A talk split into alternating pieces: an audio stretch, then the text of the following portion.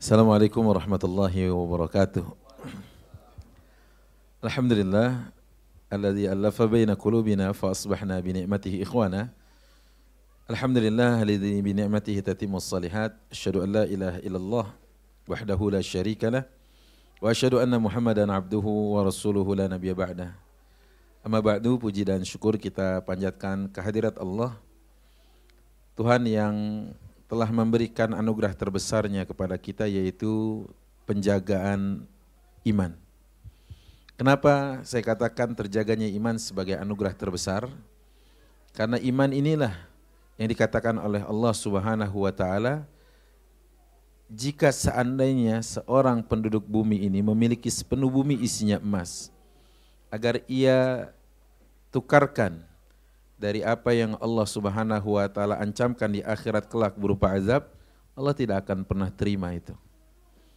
Kebayang bagaimana besarnya nikmat iman tersebut. Mungkin hari ini ada orang yang bisa menaksir berapa jumlah emas yang ada di perut bumi di salah satu bagian dari sebuah wilayah. Sebelum dan pasca eksplorasi.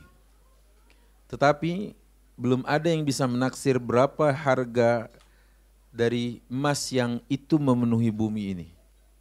Makanya saya katakan nikmat terbesar itu adalah nikmat dijaganya iman oleh Allah Subhanahu wa taala. Kata Allah, "Innal ladzina kafaru wa matu wa hum kuffar fala yuqbala min ahadihim mil'ul ardi zahaban walau iftada bih." Jika orang kafir meninggal dalam keadaan kafir membawa sepenuh bumi isinya emas agar mereka jadikan tebusan atas apa yang Allah ancamkan bagi mereka kelak di akhirat, ma tuqabbila min ahadihim mil'ul ardi zahaba. Allah enggak akan pernah terima itu dari salah seorang dari mereka. Enggak akan pernah Allah terima. Satu bumi kurang, dua bumi kata Allah. Dalam Quran surat Al-Maidah kata Allah di ayat 36 wa mislahu ma'ah. Sekarang dua bumi. Agar mereka jadikan itu sebagai tebusan, enggak bisa juga. Itulah dari dari sini kita fahami iman yang masih terjaga sampai hari ini nikmat terbesar dari Allah yang Allah berikan kepada kita. Tidak ada kalimat yang pantas untuk kita sebutkan, melainkan kata-kata salawat untuk orang yang telah banyak mendedikasikan hidupnya bagi kita semua, yaitu Rasulullah Sallallahu Alaihi Wasallam. Semua amalan, semua perintah, semua syariat Contoh solat Allah tetapkan bagi umat ini. Allah tetapkan, Allah perintahkan kita solat, tapi Allah tidak solat. Allah perintahkan kita zakat, tapi Allah tidak berzakat. Allah perintahkan kita berhaji, Allah tidak tidak berhaji. Tapi ada satu perintah di mana Allah juga ikut serta di dalamnya.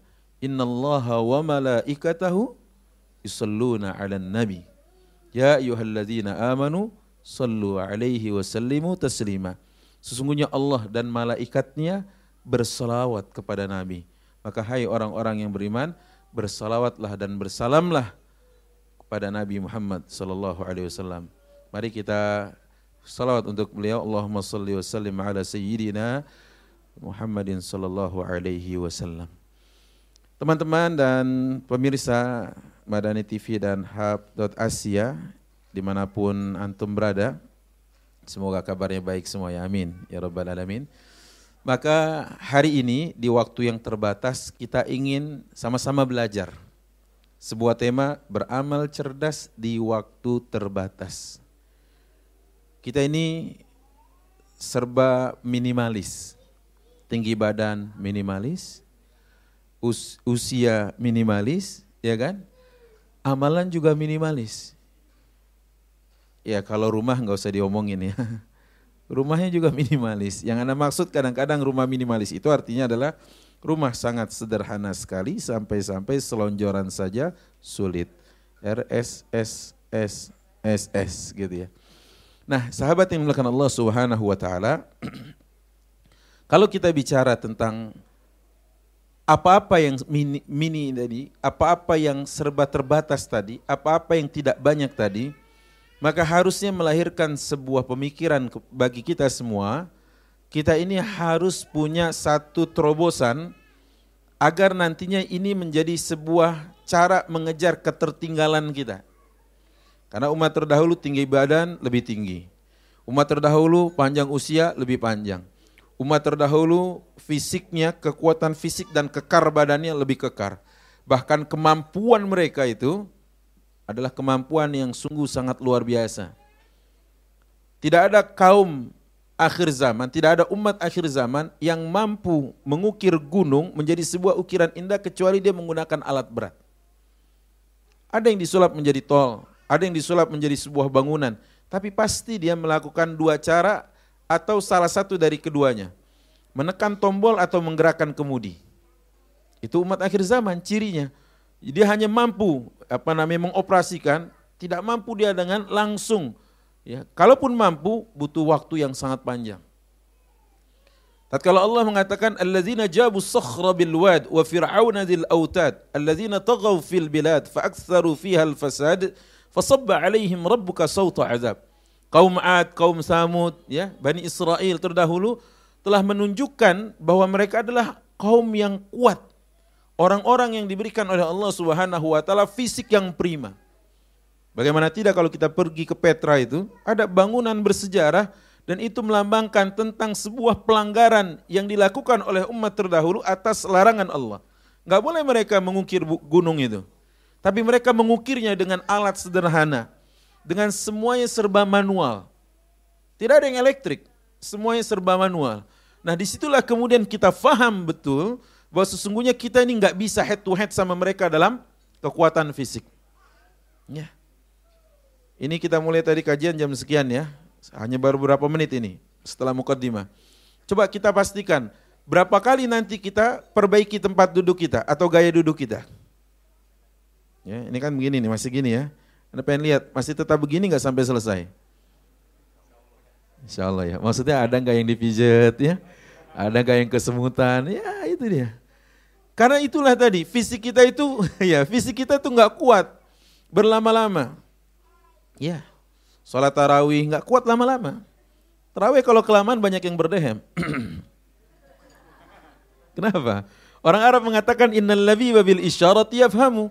Orang cerdas itu dengan isyarat dia faham. Makanya nanti kalau ada yang dehem dalam kajian ini, Anda tutup. Ayo, Anda tutup kajian ini. Oke jangan dehem ya, awas kalau dehem ya. Baik, nah karenanya ikhwan fillah azakumullahu ya, head to head kita kalah. Fisiknya kalah, usianya kalah. Saya baca itu tentang kisah Nabi Nuh, Allahu Akbar. Usianya 350 tahun jadi Rasul, kemudian usia risalahnya 950 tahun, usia penyelamatan setelah diselamatkan oleh Allah, pasca banjir itu masih hidup lagi 350 tahun. Itu ini katakan oleh Imam Ibnu Jarir At-Tabari. Jadi tiga setengah tambah tiga setengah sudah berapa? 700. 700 tambah sembilan setengah 1650 tahun. Andai dia rusak 1000 tahun, masih ada berapa? Enam setengah. Andai dia rusak cenggo, 1500 ya, benar ya? Benar nggak sih itu?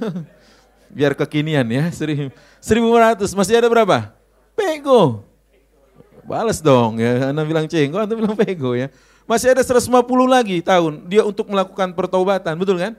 Tapi kita yang diberikan oleh Allah usia yang sudah digaris oleh Rasul sallallahu alaihi wasallam ma baina sittina ila sabin antara 60 sampai 70 wa qalilun man yajuz sedikit sekali yang melampaui batas dari usia yang telah Allah tetapkan itu. Maka jangan pernah berdalih dengan sesuatu yang bersifat istisnaat. Apa itu istisnaat? Pengecualian. Karena bab pengecualian itu sedikit. Semua mahasiswa telah memasuki ruang ujiannya, kecuali fulan. Berapa ribu yang gak masuk? Fulan aja, betul kan? Maka jangan pernah berdalih, Ustaz, mbah saya itu 125 tahun kok baru meninggal. Mbahmu kan? Mbahku enggak. Betul ya? Dan mbah-mbah yang lain juga belum tentu. Maka jangan pernah berdalih dengan yang sedikit dalam bab ini. Kenapa? Karena al-ibrah bi'umumil lafzi. Yang menjadi standarnya adalah keumuman lafaz kata Rasulullah ma baina sittina ila sab'in. Tinggi badan kita juga nggak tinggi-tinggi banget kok. Ya. Tinggi badan kita itu ya apalagi orang Indonesia secara umum. Saya Ahmad Ridwan 173 cm. Kalau masuk tentara insya Allah mayan masuk. Untuk tinggi badan aja dulu. Ya. Artinya apa? Kalau kita merujuk kepada nanti calon penghuni surga dengan tinggi badan yang disebutkan Rasulullah, setinggi Nabi Adam, kita ini nggak ada apa-apanya. Nabi Adam itu 30 meter. Dalam riwayat dari Abu Hurairah, dengan sanad yang sahih Imam Al-Bukhari mengatakan, "Innallaha lamma khalaqa Adam khalaqahu ala surati." Allah tatkala menciptakan Adam, diciptakannya mampu mendengar, mampu melihat, ya, mampu bertutur, kata kata Rasulullah SAW Wa kana tuluhu dan tinggi badannya situna zira'an 60 hasta. Satu hasta 47,3 sekian sentimeter. Andai kita bulatkan menjadi 50 senti saja, berarti kurang lebih tinggi Nabi Adam 30 meter. Dengan data semua yang ada ini, maka kita harus cerdas nih. Sebagai umat akhir zaman, kita tidak boleh kalah. Sebagai umat akhir zaman, waktu kita tidak banyak. Sebagai umat akhir zaman, waktu kita itu sebentar. Sebagai umat akhir zaman dan sebagai manusia pada umumnya seperti yang Allah katakan dalam Quran surat 18 ayat 40 45 ya. 44 45 bahwa kehidupan manusia itu laksana air hujan.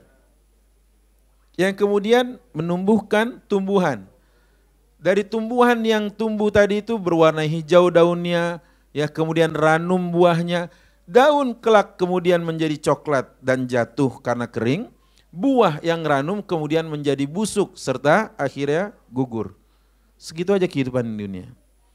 Al-Hadid ayat 20 kata Allah Subhanahu wa taala, kehidupan dunia cuma la'ibun walahun wazinatun watafakhurun watakasurun. Cuma itu aja. Sendah gurau, sendah gurau, ya main-main, ya kemudian keindahan, berbangga-bangga, ya main banyak-banyakan. Kehidupan dunia cuma itu. Maka seorang mukmin yang cerdas dia, Rasulullah katakan mukmin itu orang cerdas. Seorang mukmin harus dia berpikir bahwa hidup ini nggak boleh biasa-biasa saja. Di waktu yang terbatas kita harus membuat sebuah formula di mana formula ini harus menjadi sebuah apa namanya pemercepat antara kita dengan Allah. Artinya jalan kita agar cepat. Kalau cuma mengandalkan nasab, maaf, Anda cuma lihat batang hidung antum aja.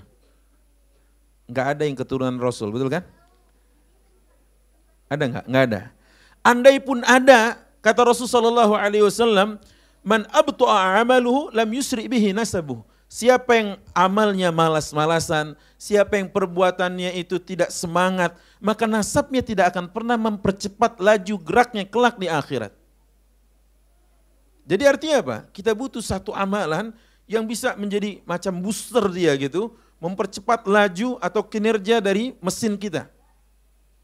Maka saya katakan, Contoh tadi apa yang dikatakan Rasulullah man abta'a amaluhu lam yusri bihi nasabu. Yang amalnya malas-malasan enggak akan pernah nasabnya mempercepatnya. Hal ini dikatakan Rasul kepada Fatimah putrinya, ya Fatimah sali. Ya. Fatimah mintalah kepada aku. Kenapa? Fa innal ansab la tughni anki minallahi syai'a. Nasab tidak akan pernah berbicara banyak di hadapan Allah untuk muklak. Jadi nggak bisa. Nah kembali kepada beramal cerdas di waktu terbatas. Ayo sama-sama. Apa sih sebenarnya?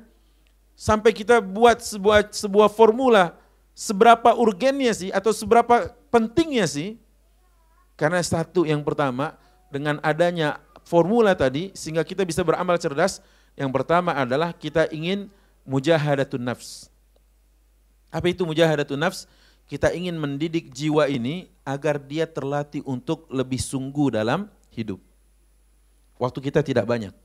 Makanya agar jiwa ini siap tatkala ada perintah Allah, tatkala ada sebuah syariat dari Allah, tatkala ada perkara yang harus dieksekusi, jiwa kita sudah siap, terlatih dia untuk mujahadatun nafs. Orang kalau ditanya Sabtu, akhir pekan, weekend seperti ini, enaknya ngapain? Mainstream cara berpikir orang adalah saatnya manasin mobil yang selama sepekan nggak dipakai. Kenapa? Karena ke kantornya pakai transportasi umum. Akhirnya dia panasin Sabtu Ahad untuk apa? Jalan-jalan sama keluarga. Makanya jumlah kendaraan Sabtu lebih ramai daripada weekdays. Coba aja. Karena yang biasanya naik angkot, naik jemputan, hari ini keluarin semua mobilnya. Ini yang pertama. Kemudian yang kedua, dia ingin ini jadi waktu keluarganya. Bagi sebagian orang yang berpikir, ya udah, saatnya kita kulineran dan sebagainya. Tapi ternyata kita ingin mengambil posisi yang tidak seimbang, kita ingin menjadi orang yang maju. Karena orang yang kedua kakinya sama, kanan dan kirinya sejajar, itu berarti dia tidak sedang ingin jalan. Yang ada istirahat di tempat. Tapi kalau yang satu maju, entah yang kiri atau yang kanan maju posisinya, berarti dia sedang berposisi ingin jalan. Ciptakan posisi tidak seimbang. Dalam keadaan apa? Dalam keadaan seperti ini di waktu yang terbatas. Ingat loh, sudah satu pekan kita bekerja untuk dalam tanda kutip dunia, kapan waktunya untuk Allah? Mujahadatun nafs, urgensi dari amal unggulan, waktu terbatas, dan kita harus punya sesuatu yang menjadi apa pemercepat langkah kita di hadapan Allah, agar jiwa ini dididik untuk siap dan punya kesungguhan dalam hidup. Yang kedua, apa sih sebenarnya pentingnya amal unggulan ini? Karena ini adalah ladang untuk diganjarnya pahala. Ya. Beramal cerdas di waktu terbatas, kita nggak mau nggak mau buang-buang waktu sia-sia. Ingat loh, dalam dunia bisnis pasti ada modal yang harus dia miliki sebelum dia membuka bisnisnya. Dan ini anggap saja adalah uang yang harus hangus. Misalkan dia harus beri properti, kalau dia harus sewa rumah, sewa gedung, sewa kantor, dia harus buang itu ke sana uangnya. Kemudian lagi belum lagi dia bicara tentang furnitur yang harus dia lengkapi dan sebagainya, maka dia harus punya itu di awal. Tahukah kita dari 60 sampai 70 tahun tadi ada usia yang menjadi usia fix cost pengeluaran pasti, angka pasti yang harus dikeluarkan yang disebut dengan usia akil balik. Jadi kalau 60 tahun itu belum dikurang akil baliknya berapa tahun? 15 tahun. Ya? Akil baliknya berapa tahun? 15 apa 10? Makin muda berarti makin apa? ya. Maka saya sampaikan, kalau usia akil balik itu 15 tahun saja, sisa usiamu 45 tahun. Kalau asumsinya 60 tahun. Kalau asumsinya 70 tahun, maka 55 tahun. Pertanyaan susulannya, berapa tahun usia itu kita pakai untuk rusak? Kalau tadi perumpamaannya adalah usia kaum Nabi Nuh itu 1000 tahun rusak masih ada enam setengah lagi. 1500 tahun dia rusak masih ada 150 tahun lagi. 1600 tahun dia rusak masih berapa lagi? lima gocamu Masya Allah ya. Masih 50 tahun lagi dia. Tapi kalau sudah usia pendek ini kemudian dikurangi sama kemaksiatan, kerusakan, dan dia tidak ada perbaikan di usia itu, mau tunggu kapan lagi? Maka saatnya kemudian ini menjadikan kita sebagai renungan, eh, bagian dari renungan kita, bahwa usia yang tersisa harus menjadi ladang pahala bagi saya. Ya. Ini urgensinya harus jadi ladang pahala.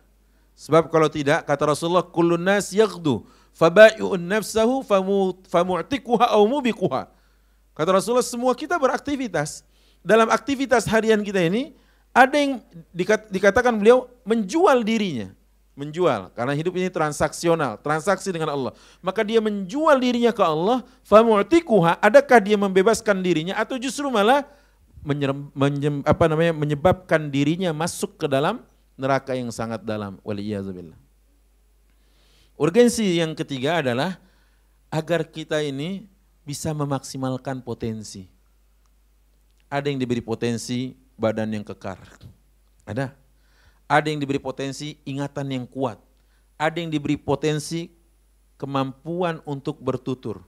Ada yang diberi potensi kemampuan mempengaruhi ada yang diberikan potensi, apalagi merangkai kata-kata, walaupun dia susah untuk apa, mengucapkannya. Banyak sekali, ada yang diberikan kelebihan harta, ada yang diberikan oleh Allah kelapangan rumah, banyak sekali. Maka sejauh mana ini kita maksimalkan, potensi ini kita maksimalkan. Sebab kalau tidak, dia jatuhnya tabzir aja, mubazir saja. Nah karenanya kalau kita tahu bahwa ini enggak boleh mubazir, ayo Jadikan ini sesuatu yang membuat kita meng, apa namanya bisa mengejar ketertinggalan kita dari umat terdahulu. Jadikan ini amalan cerdas kita. Ya, rumah besar tapi penghuninya sedikit. Rumah besar, penghuninya jarang, tinggal di dalamnya. Rugi. Maka caranya adalah jadikan itu manfaat dan maslahat. Bisa dengan membuat kajian di dalamnya, bisa sebagai tempat untuk kemaslahatan orang banyak, bisa dipakai untuk apa pun yang itu justru menjadi sebuah apa namanya? sebuah amalan yang membuat kita mendapatkan ganjarannya ya, ganjarannya walaupun kita tidak mungkin mungkin kita tidak hadir di dalamnya. Ayo, maksimalkan potensi itu. Saya ingin kasih tahu dahulu Al-Khwarizmi, Al-Khwarizmi cuma berpikir agar mudah agar mudah seseorang dalam menghitung, dia menemukan angka nol. Nol. Kayaknya kan remeh ya, nol gini. Tapi sampai sekarang nol itu Masya Allah. Dipakai banget. Bahkan empat digit nomor saya terakhir nol semua. Itu bahaya kalau nggak ada nol zaman ini sekarang ya. Gimana tuh? Contoh lain lagi. Seorang tatkala sedang melakukan rumusan atau coding lah dalam ilmu tentang uh, eh, IT, ke-IT-an. Ada kode-kode yang harus dipasang di situ atau kode yang harus diinstal di situ atau kode yang harus dimasukkan dan dituangkan ke situ. Mungkin saja dengan cara memberikan angka nol di dalamnya, jasanya Al-Khwarizmi. Ada yang nggak kalah hebatnya, kalau Al-Khwarizmi membentuk nol seperti ini, ya, paling tidak gini, ruang tengahnya kosong, walaupun ada lingkaran di sekelilingnya, tapi Abul Aswad Ad-Du'ali lebih dahsyat, karena dia cuma menemukan bagaimana agar orang mudah dalam membaca Al-Quran, kasih titik saja. Siapa tadi? Abul Aswad Ad-Du'ali. Antum kalau pernah ke Topkapi, kalau pernah ke uh, Museum Ma'rad Haramain yang ada di Makkah sana, kemudian juga kalau antum ada pergi ke Uzbekistan misalkan, itu ada ditemukan Quran dengan tulisan Rasm Utsmani yang masih dahulu sekali, belum ditemukan titik apalagi harokat apalagi warna-warni. belum ditemukan itu semua. Terus bagaimana cara bacanya? Di situlah Abul Aswad Ad-Du'ali berpikiran, nanti kalau semua ya semua penghafal Quran meninggal, penghafal Quran jumlahnya berkurang, kemudian orang-orang yang masuk Islam ini bukan hanya dari kalangan Arab, dan dia tidak hari-hari berinteraksi dengan bahasa Arab, gimana jadinya ini? Abul Aswad hanya menaruh titik. Anda tanya sekarang, mbak titiknya di mana? Hah? Sempat berdecak kagum saya. Ba di bawah titiknya satu. Betul kan? Padahal ba secara mangkoknya sama dengan tak maupun sa. Betul ya? Sama loh mangkoknya begini. Kalau fa dengan kof agak sedikit beda buntutnya. Sehingga kalaupun dia ditulis kepalanya, ya dan dia tidak bersambung dengan huruf setelahnya, maka fa berdiri sendiri begini akan lebih mudah bagi kita untuk mengenalinya. Tapi kalau fa ditulis dengan huruf yang terangkai setelahnya, maka kita tidak bisa membedakan mana fa, mana qaf. Betul ya? Abul Aswad datang memberi satu titik fa, kemudian qaf untuk qaf dua titik. Cuma begitu doang. Kayaknya sederhana amalan itu, tapi dia akan mengeruk setiap kali orang membaca Al-Quran dan dia bisa lebih mudah mengenal mana fa, mana qaf, mana ba, ta, sa setiap kali membacanya argo pasif income tadi datang bagi dia dari semua orang yang membaca Al-Quran. Ya sekarang yang baca Al-Quran dari sejak diberikan titik itu tadi, kira-kira berapa miliar orang? beramal cerdas di waktu terbatas. Kenapa? Usia akan usai. Usia kita akan usai. Tapi mari buat sebuah kanal yang mana kanal ini adalah kita sediakan bagi mereka nanti yang akan mentransfer, memberikan aliran air dan kita tunggu di muara yang kita punya. Kenapa? Karena Allah mengatakan dalam Quran surat 36 ayat 12 pojok kiri bawah coba buktikan benar nggak itu ya? Takutnya salah ya. Quran surat 36 surat Yasin. Ayatnya ayat 12 di sebelah kiri bawah. Yang penting Qurannya cetakannya sama. Kata Allah, Inna nahnu nuhyil mauta wa naktubu ma qaddamu wa atharahum wa kulla syai'in ahsaynahu fi imamin mubin. Kami kata Allah, zat yang menghidupkan yang telah mati kami yang mencatat apa-apa yang pernah mereka sumbangsikan, dedikasikan, persembahkan, mereka amalkan, mereka lakukan di dunianya, dan kami catat jejak-jejak peninggalannya. PR kita hari ini adalah bagaimana potensi yang Allah berikan itu bisa menjadi jejak-jejak peninggalan kita. Hidup kita sekarang menyiapkan sebanyak mungkin jejak-jejak yang akan memberikan kesaksian kepada kita kelak di akhirat. Maka tinggalkanlah jejak kebaikan di waktu yang terbatas. Ya. Selanjutnya apa lagi? Dari apa yang Allah katakan di dalam ayat tadi, maka harusnya kita berpikir, jangan seperti para pemikir yang telat. Kenapa telat? Karena kita sudah punya pegangan Al-Quran. Dan Allah telah mengatakan, Zalikal kitabul la Satu-satunya bentuk kitab yang tidak ada keraguan di dalamnya, di, diutarakan atau disebutkan di awal sekali dari halaman-halaman itu Quran doang. Buku yang lain ada di belakangnya jika ada kesalahan dalam penulisan, penomoran dan apa silakan dilayangkan ke alamat di bawah ini. Al-Quran sudah dikatakan zalikal kitabul la raiba Enggak ada keraguan di dalamnya. Dan Allah juga sudah mengatakan, la ya'tihil batilu min baini yadayhi wala min khalfi. Tidak akan tersusupi kebatilan dari arah depan maupun dari arah belakang. Kemudian Allah mengatakan yang ketiga, kata Allah Subhanahu wa taala, "Inna nahnu nazzalna dzikra wa inna lahu lahafizun." Kami yang menurunkan Al-Qur'an sebagai peringatan itu dan kami yang akan menjaganya. Tugas kita hanya percaya saja. Percaya dulu. Tugas kita itu bahwa Al-Qur'an telah mengatakan Allah Subhanahu wa taala berfirman, kami yang menghidupkan yang telah mati, kami catat dengan baik. Setiap apa yang mereka lakukan di dunia ini dan jejak-jejak peninggalannya. Ayo. Jadikan itu sebagai potensi yang membuahkan pahala. Ingat loh, dahulu tatkala Rasulullah menggali, menggali ini, menggali fondasi untuk Masjid Nabawi digalinya fondasi itu, Rasulullah SAW bersenandung. Kata Rasulullah, Allahumma la aisha illa aishul akhirah, farhamil ansara wal muhajirah. Ya Allah, tidak ada kehidupan yang hakiki bagi kami kecuali kehidupan akhirat kelak. Maka rahmatilah kaum muhajirin dan ansar. Itu kan kata Rasulullah. Mendengar Rasulullah bersenandung dan melihat Rasulullah SAW bekerja dengan kedua tangan yang beliau memacul, mencangkul, sahabat-sahabat kemudian membalas senandung syair itu dengan kalimatnya, La in qa'adna wan nabiyyu ya'malu fadzalika minnal amalul mudallalu. Andai kami duduk-duduk santai di sini di saat Rasulullah beramal, berbuat, mengambil bagian dengan cara menggali dengan kedua tangannya yang mulia, maka itulah perbuatan kami yang paling tersesat kata para sahabat. Makanya langsung mereka juga ikut serta menggali itu. Tahukah antum di antara para sahabat yang menggali terus kemudian membawa setiap satu orang satu bongkah batu besar. Untuk apa?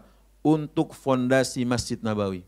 Kebayang sekarang berapa orang yang telah memberikan tetesan keringatnya saat membantu Rasulullah membawa batu itu, sekarang berapa ribu orang yang sholat di Masjid Nabawi?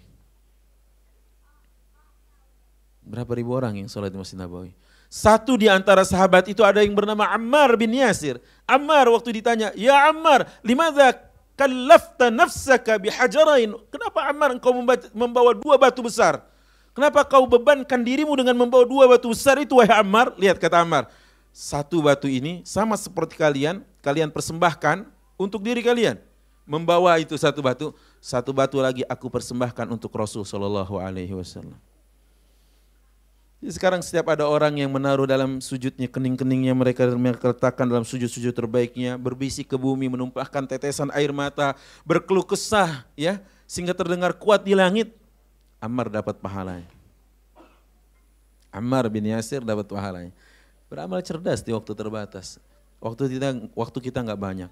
Ammar tahu dirinya cuma budak.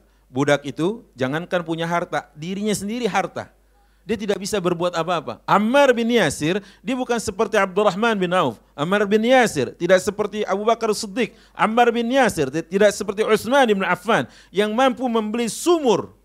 Kemudian dia wakafkan untuk seluruh kaum muslimin, tapi Ammar tidak mau kalah dia. Dia berpikiran saya harus punya amal di waktu terbatas ini. Ya, kita pikirin amal kira, amal kita kira-kira apa nih? Kalau Bilal lain lagi. Bilal amal unggulannya, waktu terbatas tapi dia beramal cerdas, dia kumandangkan azan. Allahu Akbar. Setiap orang yang mengumandangkan azan, jika harus membayar royaltinya kepada siapa? Bilal, maka Bilal sudah jadi apa sekarang? Ya Rabb, Huwa huwa tahta turab. Dia di bawah tanah. Ya, dia di bawah tanah karena sudah dikubur. Tapi pahala terus mengalir. Sebentar lagi azan asar berkumandang, dia dapat transfer pahala dari muazin. Itu baru kawasan Bintaro dan sekitarnya loh. Masih Bintaro. Belum Tangerang Selatan. Bintaro berapa masjid di sini untuk sektor ini aja? Ada lima, enam. Ya, ada MRBJ, ada MRKR, ada Asaf, ada Bani Umar, ada apa lagi? Masjid Ukhuwah, ada An-Nasr, ya. Banyak lah ya, 10 misalkan untuk Bintaro. Kita perluas lagi wilayahnya. Tangerang Selatan, ada berapa masjid di Tangerang Selatan? 1600. Baik, kita perluas lagi. Wilayah Banten, Provinsi Banten, ada berapa? Nggak tahu. Ya, kita perluas lagi untuk Pulau Jawa karena Banten di ujung Pulau Jawa bagian barat. Kita perluas lagi dari Pulau Jawa Indonesia. Kita perluas lagi dari Indonesia region Asia Tenggara. Kita perluas lagi Asia, kita perluas lagi dunia. Tapi saat ini, baru hari ini, belum yang akan datang dan belum waktu yang telah lalu. Berapa yang dikantongi oleh Bilal ibn Rabah tatkala seorang muadzin mengumandangkan adhannya. Insya Allah ya. Mereka nggak mau kalah dalam persaingan mengolek amal soleh dan mengumpulkan pahala. Bilal sadar betul bahwa dirinya itu tidak seperti siapa? Abu Bakar. Maka ketika Rasulullah SAW pulang dari Mi'rajnya ditanya, ya Bilal, ayu amalin? Ya, amalan apa wahai Bilal yang engkau sangat sangat harapkan ganjarannya dari Allah setelah engkau masuk Islam? Dia katakan apa ya? Melainkan aku melaksanakan uh, sholat sunnah wudhu setiap kali aku berwudhu. Jadi setiap kali selesai wudhu, sholat sunnah. Setiap kali selesai wudhu, sholat sunnah. Setiap kali selesai wudhu, sholat sunnah. Tapi Bilal mempunyai amal yang lain, yaitu tadi. Dilakukannya, kalau sekarang kayak macam ini nih. Apa sih namanya? Yang sekarang eh, bisnisnya adalah macam ini. Pelayanan, ojek online, eh, apa namanya? Startup. Itu startup kan? Kalau Bilal itu berarti kayak CEO-nya startup itu. Betul nggak? Tapi aplikasinya namanya azan. Betul nggak? Setiap kali ada transaksi di sana, dapat dia. Allahu Akbar. Ada lagi orang yang berpikir cerdas di waktu terbatas dengan cara apa? Saya nggak mau kalah. Saya memang nggak punya uang. Saya termasuk ahlu sufah. Saya tinggal di Masjid Nabawi. Ya, saya juga terbatas keuangan saya. Saya tidak bisa berinfak layaknya Abu Bakar. Saya tidak bisa memerdekakan budak layaknya siapa namanya Abdurrahman bin Auf. Tidak bisa juga membeli sebuah sumur layaknya Utsman. Tidak bisa seperti Suhaib bin Sinan Ar-Rumi yang meninggalkan seluruh hartanya di Makkah saat ingin berhijrah. Tapi saya ingin punya amal unggulan. Apa itu? Dengan kekuatan daya hafal dan daya ingatnya, kemudian dia bukukan satu persatu hadis Rasul Shallallahu Alaihi Wasallam. Dialah Abu Hurairah radhiyallahu anhu arda masuk Islam tahun ke-7 Hijriah, tahun ke-11 Rasulullah wafat. Praktis cuma berapa tahun? Empat tahun. Tapi pertemuan yang berkualitas. Makanya jangan sering-sering ketemu. Ini bukan pembelaan diri karena anak jarang datang di KS ya. Bukan. Katanya bisa banget Ustadz. Kalau Ustadz banyak dalil, tenang aja ya. Untuk dia ngelak-ngelak. Enggak, enggak. Ini bukan pembenaran ya. Anda mohon maaf kalau belakangan hari banyak agenda yang tidak bisa Anda hadiri. Jadi kembali kepada Abu Hurairah. Empat tahun dia berislam, tapi dia punya hal yang amat sangat cerdas untuk terus kita ingat. Apa itu? Membukukan hadis Rasul Wasallam dan dia tercatat sebagai perawi hadis terbanyak dari kalangan sahabat. Insya Allah. Ya. Kenapa? Karena dia tidak mau dia tidak mau kalah. Dia berpikir saya nggak boleh kalah. Yang lain dengan amalnya ini, yang lain dengan amalnya itu, yang lain dengan waktu kita nggak banyak. Ada lagi nama Sa'ad bin Muaz. Sa'ad bin Muaz masuk Islam cuma lima tahun dia. Kalau Abu Hurairah setelah Rasulullah wafat, dia pernah menjadi menjadi apa gubernur di tempat yang lain. Tapi Sa'ad bin Muaz cuma masuk Islam lima tahun. Masuk Islam usia 30 atau 31, meninggal di usia 35 atau 36.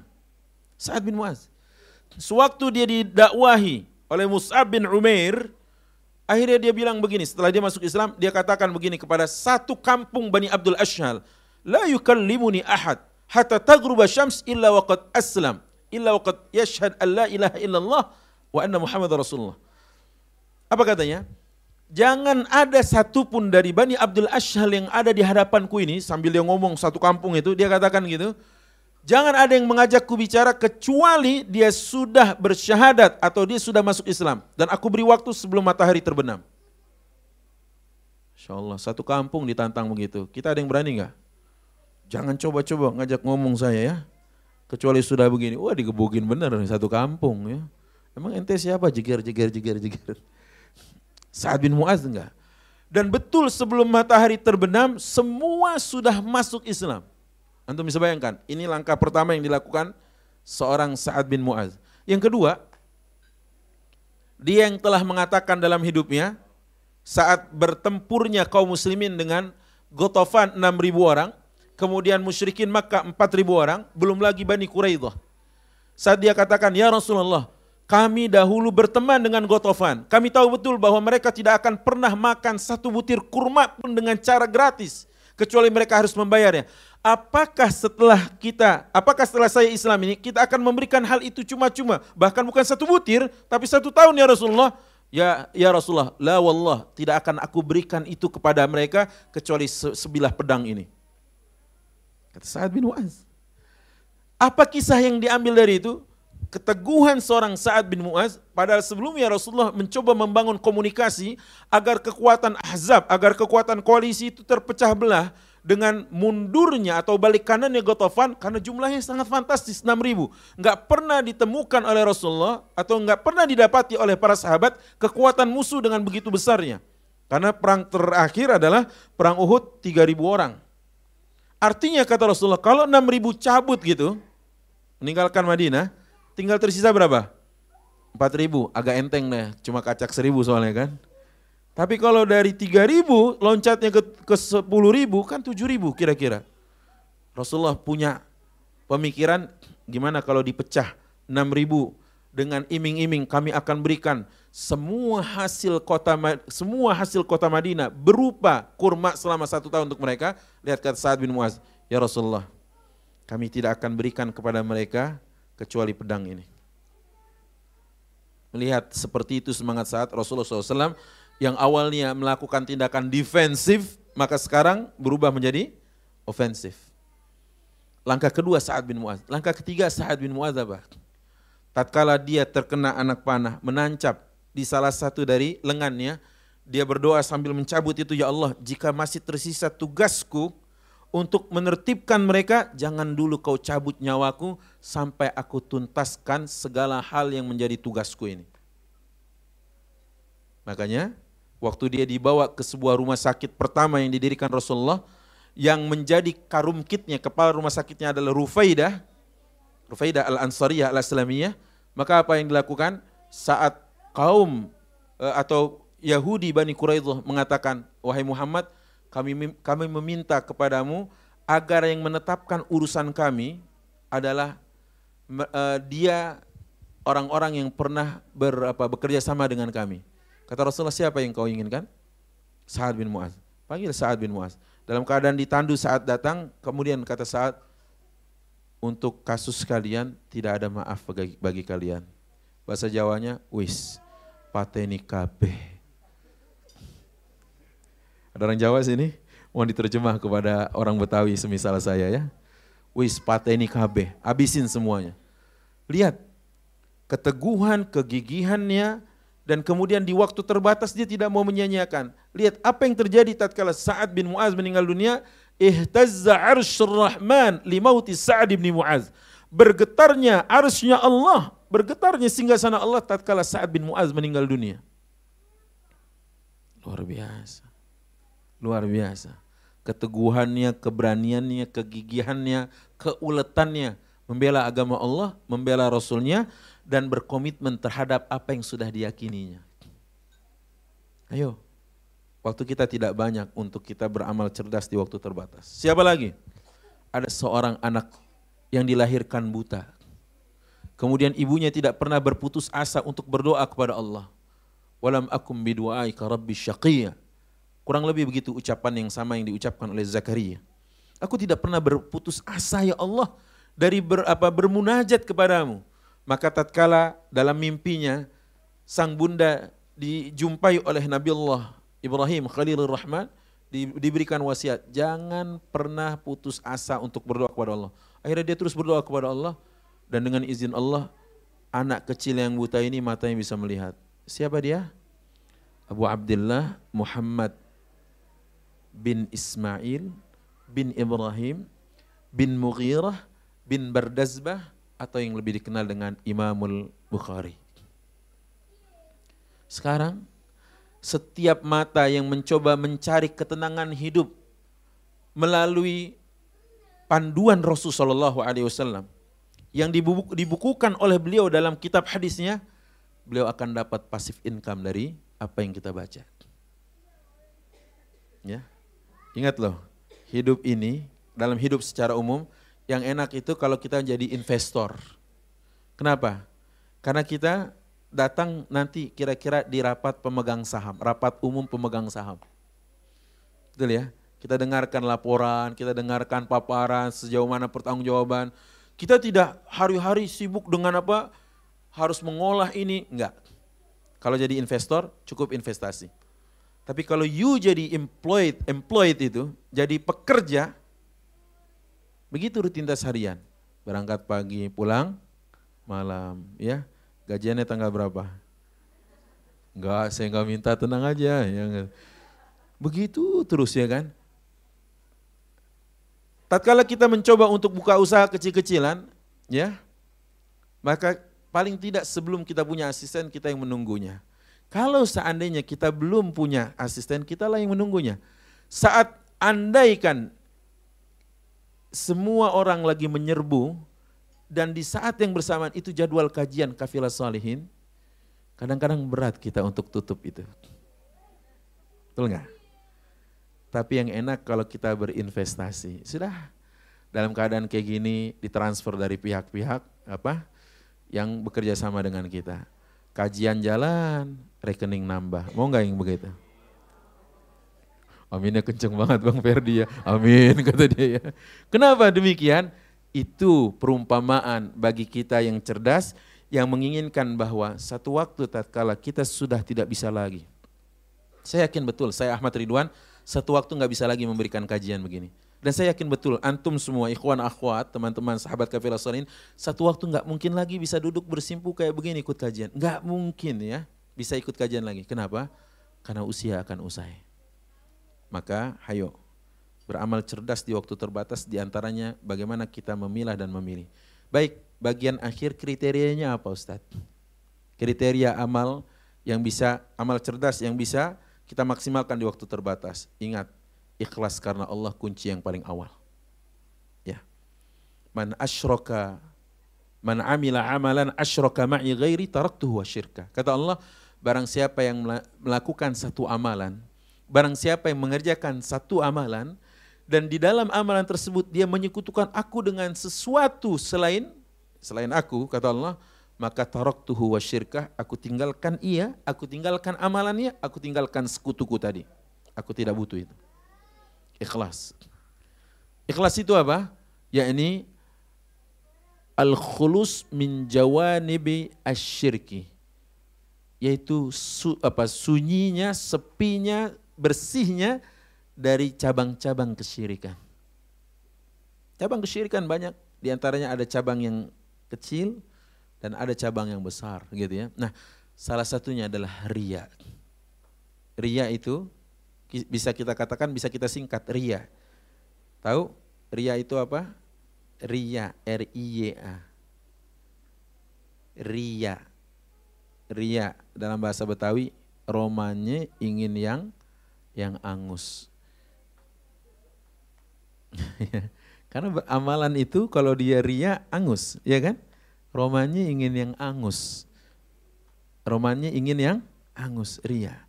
Maka ikhwan fillah azakumullah wa Syarat pertama dari amalan cerdas kita, karena dia harus di framing dengan keikhlasan. Frame. Frame pertama ikhlas. You boleh tendang ke sana, ibarat main bola. You boleh gocek, you boleh bawa dengan apa dada, you boleh tahan dia dengan kepala. Tapi you nggak boleh keluar dari garis ini. Keluar dari garis ini melanggar aturan main. Berarti aturan pertama adalah ikhlas karena Allah. Allah nggak terima yang tidak ikhlas. Yang kedua, kalau amalan yang kita lakukan adalah amalan yang bersifat mahdoh, ibadah murni, maka tidak boleh tidak atau dalam bahasa lain harus mengikut Rasul. Harus mengikut Rasul. Karena ikut Rasul adalah jaminan keselamatan. Ikut Rasul, jaminan diterimanya amalan. Ikut Rasul. Ikut Rasul dalam bahasa sederhananya selamat. Ikut selamat belum tentu ikut Rasul. Kecuali mas selamat ikut Rasul juga. Betul ya. Kenapa Kang Bobi?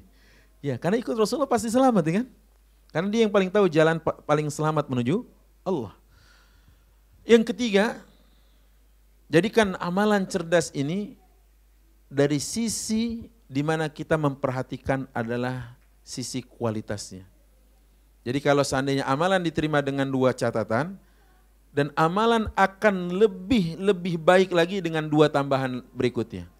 Pertama ikhlas kan, kedua ittiba ikut Rasulullah, ketiga adalah al-mujahadah, dikerjakan dengan sesungguh mungkin yang keempatnya atau yang kedua dari poin tadi adalah dikerjakan dengan al-musaroah, secepat mungkin. Dieksekusinya secepat mungkin. Kalau sholat awal waktu, kalau zakat saat sampai nisab dan haulnya. Kalau haji sudah mampu jangan ditunda-tunda.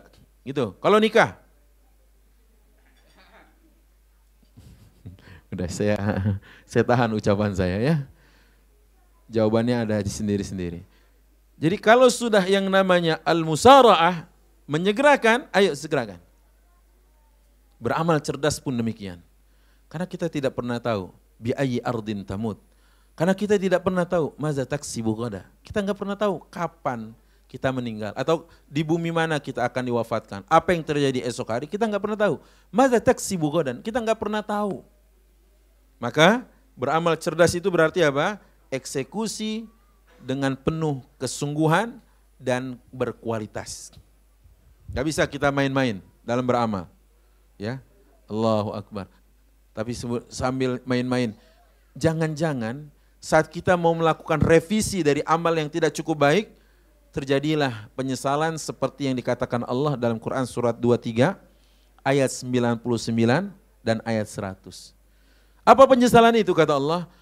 hatta idza jaa ahadahumul maut sampai kematian datang kepada salah seorang dari mereka qala rabbirji'un ya Allah kembalikan aku ke dunia. Mau ngapain? Mau menikmati rumahnya yang megah? La. Mau menikmati tunggangan yang mewah? Kalla enggak sama sekali. Atau mau bercengkrama? Atau mau dia apa namanya ngobrol bercanda-canda dengan istri yang salihah? Apalagi? Tidak. La'alli a'malu salihan fima tarakt. Aku ingin beramal salih. Yang dulu belum cukup cakap aku kerjakan. Yang dulu belum cukup rapi aku tunaikan. Coba lihat. Jangan sampai penyesalan itu terjadi. Sekarang sholat nggak beres. Makanya, solu sholat al-muwaddi. Sholatlah kalian seperti sholatnya orang yang mau pergi meninggalkan dunia ini. Allahu Akbar. Kalau puasa, sumus yamal muwaddi. Puasalah seperti puasa orang yang akan pergi meninggalkan dunia ini. Kalau haji, berhajilah seperti orang yang akan meninggal dunia. Makanya di saat banyak orang mengisi manasik, isinya tentang sejarah haji, isinya tentang apa saya katakan. Jadikan ini keberangkatan Anda dari rumah dengan penuh kesiapan kalau tidak pulang lagi nantinya saya bilang. Kenapa? Karena potensi di saat safar kata Rasulullah as-safaru atau tepatnya kata para ulama as-safaru mazinnatunil halak. Safar itu potensi untuk binasa, potensi untuk wafat. Maka saat Anda safar, sudah yang diingat adalah ya Allah, jangan-jangan ini tidak bisa kembali. Artinya dalam perjalananmu harus bernilai ibadah, harus beramal cerdas di waktu terbatas. Itu dia contohnya. Nah maka saya katakan, jangan sampai di saat kita nggak sungguh-sungguh dalam beramal, kemudian kita berharap nanti ada waktu di mana kita bisa memperbaikinya, merevisinya, Allah nggak mempergilirkan waktu itu kepada kita. Jangan, rugi. Selanjutnya apa? bicara sisi kualitas, imbangi juga dengan kuantitas. Ya. Karena kalau kita mengerjakan banyak, ya, mungkin mudah-mudahan kalau ada yang sedikit tidak baik, sedikitnya tidak baik, maka dia ditambal dengan yang lainnya yang insya Allah baik. Gitu. Tapi kalau sudah sedikit tapi enggak baik, nah itu dia. Penyesalan di atas penyesalan. Ini saya ingin beritahukan contohnya, kalau sholat kita enggak baik, kalau sholat kita nggak baik, tapi dikerjakan sendiri, tidak berjamaah, maaf. Perumpamaannya nanti kalau kita sholat eh, ber, berbarengan, tapi kita nggak baik, tapi dengan cara berjamaah, ibaratnya seperti kita beli jeruk satuan dengan petian. Ada beda? Kalau beli satuan gimana? Dilihat semua. Diperhatikan semua, ya kan? Sortirnya sungguh-sungguh. Gak bagus? Betul ya? Tapi kalau belinya petian, yang dilihat sampel doang. Kalau dilihat semuanya kan? Sampel doang. Kira-kira dari satu peti itu ada nggak yang kegencet sejumlah jeruk yang lain? Ada nggak? Ada. Ada nggak jeruk yang bonyok? Ada nggak? Ada. Ada nggak kulitnya yang sedikit terkelupas? Ada. Tapi karena belinya petian, dah angkut. Yang nggak bagus juga terbawa. Faham sampai sini? Ya. Perbedaan kualitas sholat kita berjamaah, ya. Kalaupun kita nggak bagus, insya Allah mungkin tertambal dengan adanya fadilah berjamaah. Tapi kalau kita sholat sendirian, ini saya mencoba menurunkan, ini saya coba memaknai ini saya coba menafsirkan hadis Rasulullah yang mengatakan salatul jamaah afdal min salatil fadhi bi sab'in wa ishrina darajah. Salat berjamaah lebih baik daripada salat sendirian dengan selisih 27 kali derajat. Cara gampangnya, you beli jeruk satuan dengan you beli jeruk apa petian tadi. Maka ayo perhatikan kualitas, jaga kuantitas. Ustadz, Kok hitung-hitungan? Iya itu penting juga. Karena satu kau dapat kalau sholat sendiri, 27 kau dapat kalau berjamaah. Dan bagian terakhir adalah rawat betul, ya perhatikan betul keistiqomahan atau kontinunya. Ya. Hari ini sholat sunnah, sholat sunnah tahajud dua rakaat lebih baik kalau dia besok juga dua rakaat, setelahnya dua rakaat, setelah dua rakaat, daripada hari ini sholat sampai bengkak kakinya, terus berdalih, kenapa nggak sholat? Udah bengkak kaki aneh. Kayak Rasulullah. Jangan. Rasulullah kakinya bengkak, besok dia sholat lagi. Rasulullah bengkak kakinya, tatafattar qadamah, besok dia bangun lagi. You bengkak kaki you, ya. Antum bengkak kaki, kemudian tobat. Enggak deh, anda off dulu karena kaki anda bengkak. Ya, pasti sesuatu yang salah. Karena ahabul a'mali adwamuha wa in qalla. Amalan yang paling Allah cintai adalah yang paling langgengnya. Kendati se sedikit. Allah alam suap, mudah-mudahan ada tergambar bahwa kita harus beramal cerdas ya di waktu terbatas ini. Dan nanti ada sesi tanya jawab gitu ya. Entah nih, mana tadi pendamping saya? Enggak tidak in frame ya. Oh ada. Alhamdulillah balik lagi nih Ustaz. Biar Ustaz nggak kesepian. Itu dia di makanya. Oke, Alhamdulillah terima kasih banyak Ustadz tausiahnya. Uh, mungkin nanti ada uh, beberapa pertanyaan dari teman-teman juga. Ya. Tapi sebelumnya uh, saya mau mengundang, kami mau mengundang salah satu dari uh, ada dari Darul Quran Ustadz. Fadol, fadol, silakan, ya. silakan. silakan. perwakilan dari Darul Quran? Tafadol Ustadz.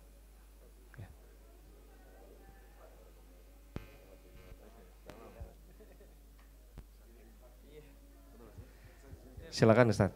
Jadi buat teman-teman yang uh, menyimak dari live streaming dari Madani TV ataupun dari hub.asia, jadi bisa langsung, tadi saya dikasih tahu sama tim teknis, bisa langsung bertanya by phone ya, yang nomornya ada di sini, di layar sini ya, kelihatan nggak? Kelihatan ya. Udah ada nomornya, jadi bisa langsung tanya. Nanti suaranya langsung terdengar oleh Ustadz Ahmad Ridwan. Nanti insya Allah setelah ini penjelasan dari Ustadz Hendi tanya jawab akan dijawab pertanyaannya. Bismillahirrahmanirrahim. Assalamualaikum warahmatullahi wabarakatuh. Al-Mukarram Ustaz Ahmad Ridwan LC. Kawan-kawan dari mana ini? Kafilah Solihin ya, Kafilah Solihin. Tapi masih grup dengan Hub Asia juga? Ya, ya baik. Kemarin saya Ramadan uh, ke Aceh tuh yang BSM ya kan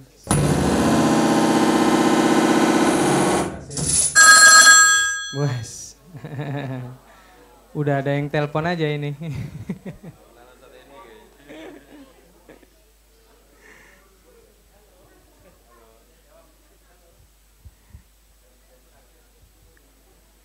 ya sebenarnya kalau program sih di era sekarang ini sudah tidak terlalu butuh presentasi kalau saya tuh. Saya lebih tadi me, apa, mengasih uh, khotul ahmar ya, uh, ngasih red line de, dari apa yang disampaikan oleh guru kita Ustadz uh, Ridwan tadi bahwa beramal cerdas tapi di waktu terbatas kan Sebenarnya yang paling gampang tuh ketika kita uh, sudah tahu ilmunya tinggal praktek. Nah, kita ini kadang yang yang lama itu di akhir ketika beliau bilang eksekusi. Ya kan? Ketika sudah tahu tuh eksekusi gitu. Saya menambahkan uh, lima menit saja tentang kekuatan niteni. Apa itu? nandain niteni ya. Kalau saya nulis di webnya pesantren www.daku.scid itu niteni amal soleh. Kita ini mungkin kurang niteni, banyak tapi nggak niteni. Saya ngasih contoh begini dan itu langsung masuk pada materi. Ketika kita masuk di pagi hari, di waktu subuh, maka kita sudah dikawal oleh dua malaikat illa wa ma'ahu malakani. Nah, jadi accompanied by two angels. Kita ditemani oleh dua malaikat. Fayakulul awal Allahumma a'ti munfiqan khalafa. Wa yakulu thani Allahumma a'ti mumsikan talafa. Yang berinfak Allah akan kasih pengganti khalaf yang mumsik, yang pelit, yang medit, bin, bin, bin, bin, bin, bin, bin, Allah akan memberikan dia talaf. Talaf itu halak, hancur, ribet, gelap, susah, mentok seharian. Atau bahkan seminggu-seminggu. Kalau pagi itu dia tidak bersedekah. Nah kita tinggal pilih mau didoain malaikat yang pertama atau yang kedua. Nah ini teninya apa? Ya eksekusi dong ah berarti saya tiap subuh mau sedekah ah urusan berapanya kita sedekah nih gitu kan tapi Ustadz ini levelnya gimana oh ini grade-nya biasa nih Kalau mau grade yang kedua, maka kita kuantumkan. Apa itu? Di waktu subuh, di hari Jumat. Nah, udah mulai double nih pahalanya. Pertama subuhnya itu sendiri, yang kedua Jumatnya barokah. Bisa naik lagi nggak Ustadz grade-nya? Bisa. Di waktu subuh, di hari Jumat, di bulan Ramadan. Hmm. Naik lagi grade-nya. Bisa lagi tak dinaikin tak? Bisa. Yang penting kita nitenin nih. Nitenin karena kita tahu nih ini lagi mustajab nih. Kayak kita eh, anak-anak uh, tuh yang main apalah game-game apa itu kan kadang-kadang kita nunggu nih sampai nyawa penuh, bonus banyak, kita mau main berapa level juga bisa kan? Nah gitu. Nungguin nih, ah jangan langsung ini dah, tunggu tiga hari lagi, biasanya tiga hari bonus banyak nih Baru kita klaim tuh bonus-bonusnya gitu. Baru kita bisa main game, bisa main level yang banyak kan gitu. Oh di bulan Ramadan, oh iya. Bisa nggak usah naikin lagi? Bisa. Di hari subuh, di awal subuh, di hari Jumat, di bulan Ramadan, di 10 hari terakhir. Wah keren nih. Keren udah tuh. Ada lagi nggak Ustadz yang lebih keren lagi? Ada, Allah selalu menciptakan. Dia waktu subuh, di hari Jumat, di bulan Ramadan, di 10 hari terakhir, di hari-hari ganjil. Bisa lagi nggak naikin lagi grade-nya? Bisa. Di subuh, di hari Jumat, di bulan suci Ramadan, 10 hari terakhir, di ganjil. Kemudian pas dapat yang Lailatul Qadar. Masya Allah, itu ketika kita mengeksekusi amal itu, wut, naik itu. Ini baru baru time time-nya ini kan, bukan apa? Place. Jadi ibaratnya apa? The right amal in the right time, maka kemudian yang kedua apa? Yang ketiga apa? The right place. Maka yang right place-nya itu kita angkat tuh.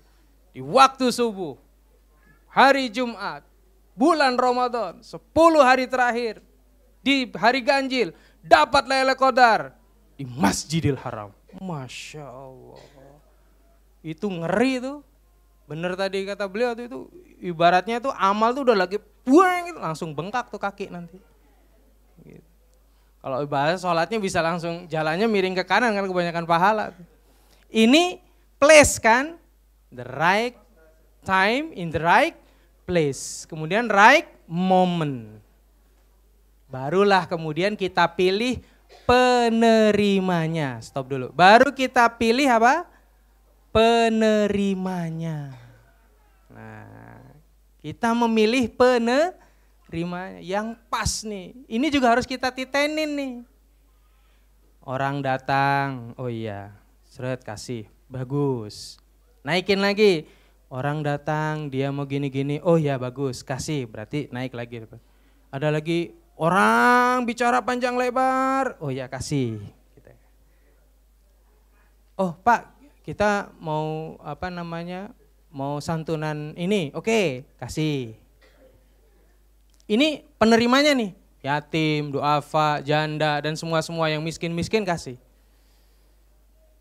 tapi kemudian kita mau mendapatkan dua grade yang ada di dalam hadis Rasulullah Shallallahu Alaihi Wasallam idamata ibnu Adam ingkoto amaluhu illa min thalathin Pertama sodakoh, au ilmin yuntafa'u bihi, au waladin soleh. Pertama sedekah, ilmu, lalu kemudian anak. Sedekah sama ilmu kita bisa jadiin satu. Apa namanya? Sedekah sama penuntut ilmu. Nah selesai itu. Itu selesai itu, itu, itu grade sendiri itu. Sedekah sama penuntut ilmu itu grade sendiri. Jadi begitu kita sampai di Masjidil Haram, kemudian kita sudah niteni itu semua, kita ketika itu teman-teman mungkin Ramadan yang akan datang dapat nih kesempatan ini nih, eksekusi mas, eksekusi pak, eksekusi bu, eksekusi semuanya. Ya Allah benar-benar nih bisa bisa berada di Masjidil Haram di tanggal 27 Ramadan. La Allah ayubarikana bilailatil qadar maka saat itu lakukan semuanya yang terbaik karena kita tidak tahu saat itu.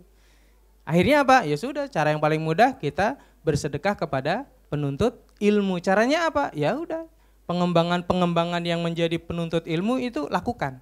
Orang sedang belajar, orang sedang menghafal Quran, orang sedang membangun sebuah sekolah yang nanti akan di dalamnya orang-orang menghafal Al-Quran yang kemudian mengalir pahala kita di situ, itu yang kita eksekusi di waktu dan tepat. Yang tepat, waktu yang tepat, penerimanya tepat, langkahnya tepat, dan kemudian amalnya pun sudah kita kita titeni, sudah kita incar. Saya nanti mau ke sana, gitu. Saya nanti mau ke itu, saya nanti mau ke itu. Nah itu lakukan. Karena apa? Ketika kita bersedekah di Masjidil Haram, ya sudah. Pahalanya pelipat gandaannya Masjidil Haram. Ketika kita sedekah melakukan eksekusi sedekah, eksekusi wakaf, eksekusi infak di Masjidil Haram, di Masjid Nabawi, maka pelipat gandaan pahalanya itu berlaku. Ya, kawan-kawan sekalian, kita sedang membangun namanya Institut Darul Quran setelah 15 tahun Darul Quran tumbuh bersama masyarakat. Ya. Dari yang kita mulai sedekah bulanan 20 ribuan, ya. dulu tahun 2007 awal-awal kita sedekah rombongan 20 ribuan. Alhamdulillah sekarang kita sudah punya santri sekitar 8 ribu. Cabangnya kita urut dari uh, Banyuwangi sampai Sumatera paling jauh Jambi. Jadi kita sudah ada tujuh cabang sekolah formal yang langsung kita kelola. Kalau rumah tafid secara spirit dan amal soleh, Ustadz Yusuf sudah memberikan mewakafkan kepada masyarakat silakan bangun rumah tafid sendiri, namain sendiri, kelola sendiri, untung sendiri, untung atur sendiri. Tidak ada sedikit pun perencas-perencesan gitu ya. Teman-teman yang mungkin punya rumah tafid kita dulu awal-awal launching tahun 2009 saat itu di Geraha Edukasi di belakang Darut Tauhid. Ya.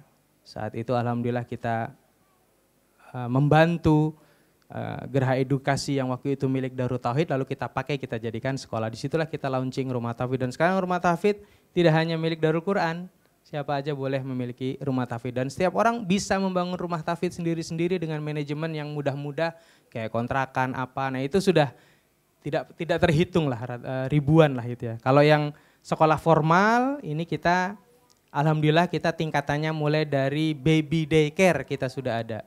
Baby daycare tuh yang ada di Kalibata City. Ya. Kami cuma berdua di sana di Kalibata City, Darul Quran dengan Al-Falah, dua sekolah Islam. Lawannya apa tuh di Kalibata City? Serem kan? Ya kan? Lantai satu, lantai dua pendidikan, begitu udah ke atas, oh udah serem semua tuh. Dan sekolah Islam cuma ada dua. Cuma Darul Quran sama Al-Falah. Cuma dua tuh. Yang SMP nggak ada, agak jauh.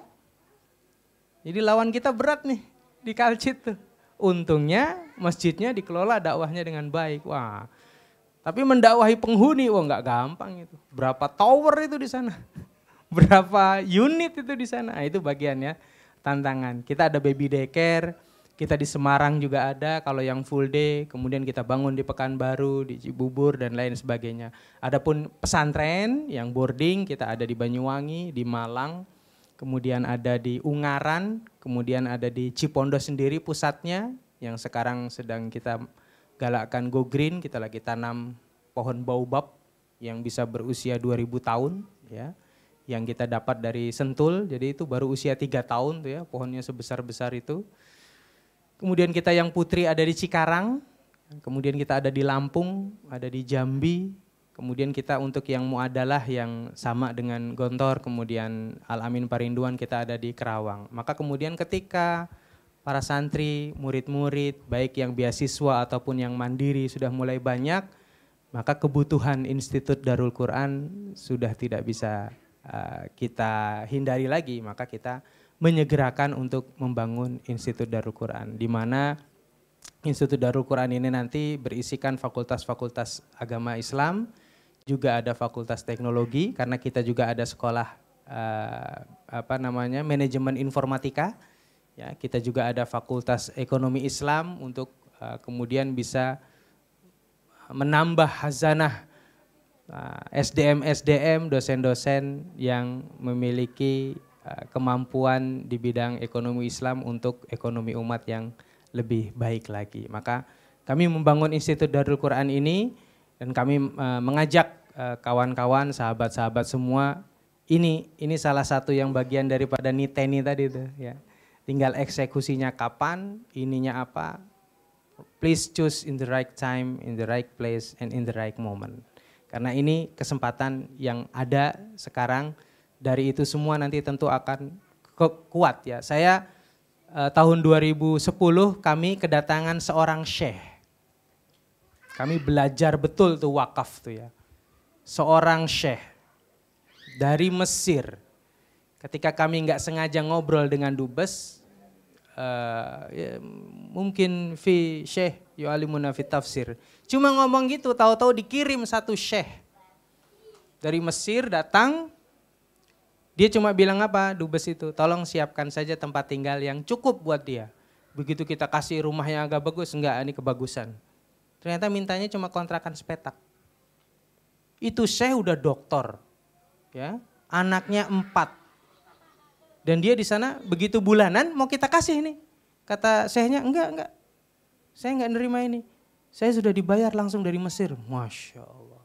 Makanya kan sekolah Al-Azhar Mesir, Jamiatul Azhar di Mesir itu terkenal dengan apanya?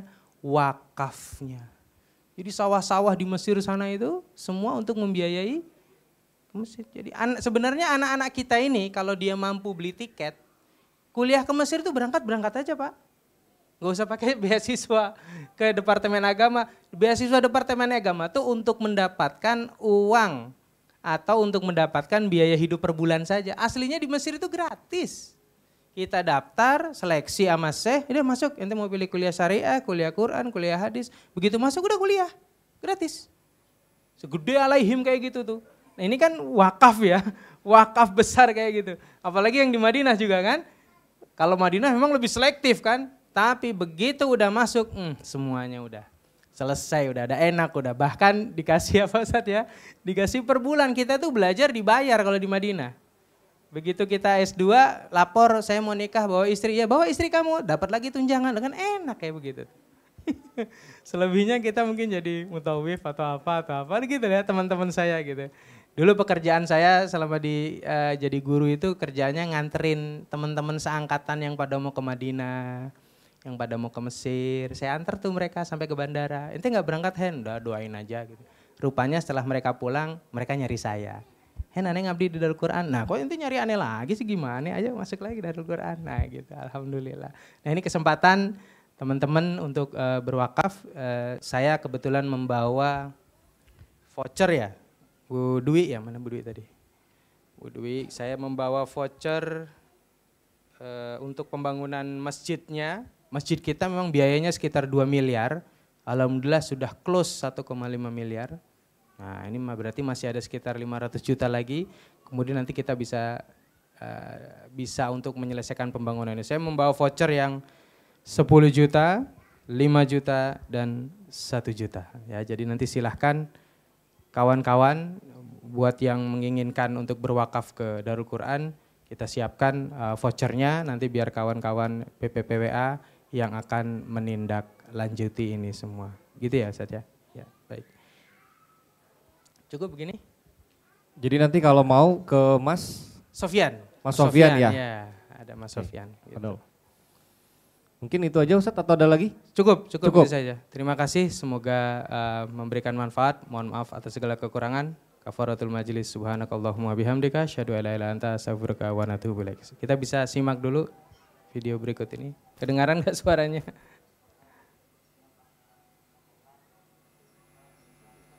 Ini Sanawiyah. Jadi kita itu setiap Senin, Kamis, bahkan setiap hari. Kalau Senin, Kamis santri wajib puasa ya. Tapi kalau setiap hari ada aja anak yang puasa Daud. Anak itu Bapak Ibu kalau datang ke Darul Quran comot aja tuh satu. Eh kamu kalau buka puasa apa yang didoain? Udah lancar tuh. Kepada para donatur, kepada para ini, kepada para ini, kepada para udah disebut sendiri itu. Kepada para ini, kepada jadi mereka ritualnya itu sebelum buka puasa itu semua para donatur semua ini. Bahkan nih mohon izin saya sampai kaget ya. Kita ini kan juga diajarkan untuk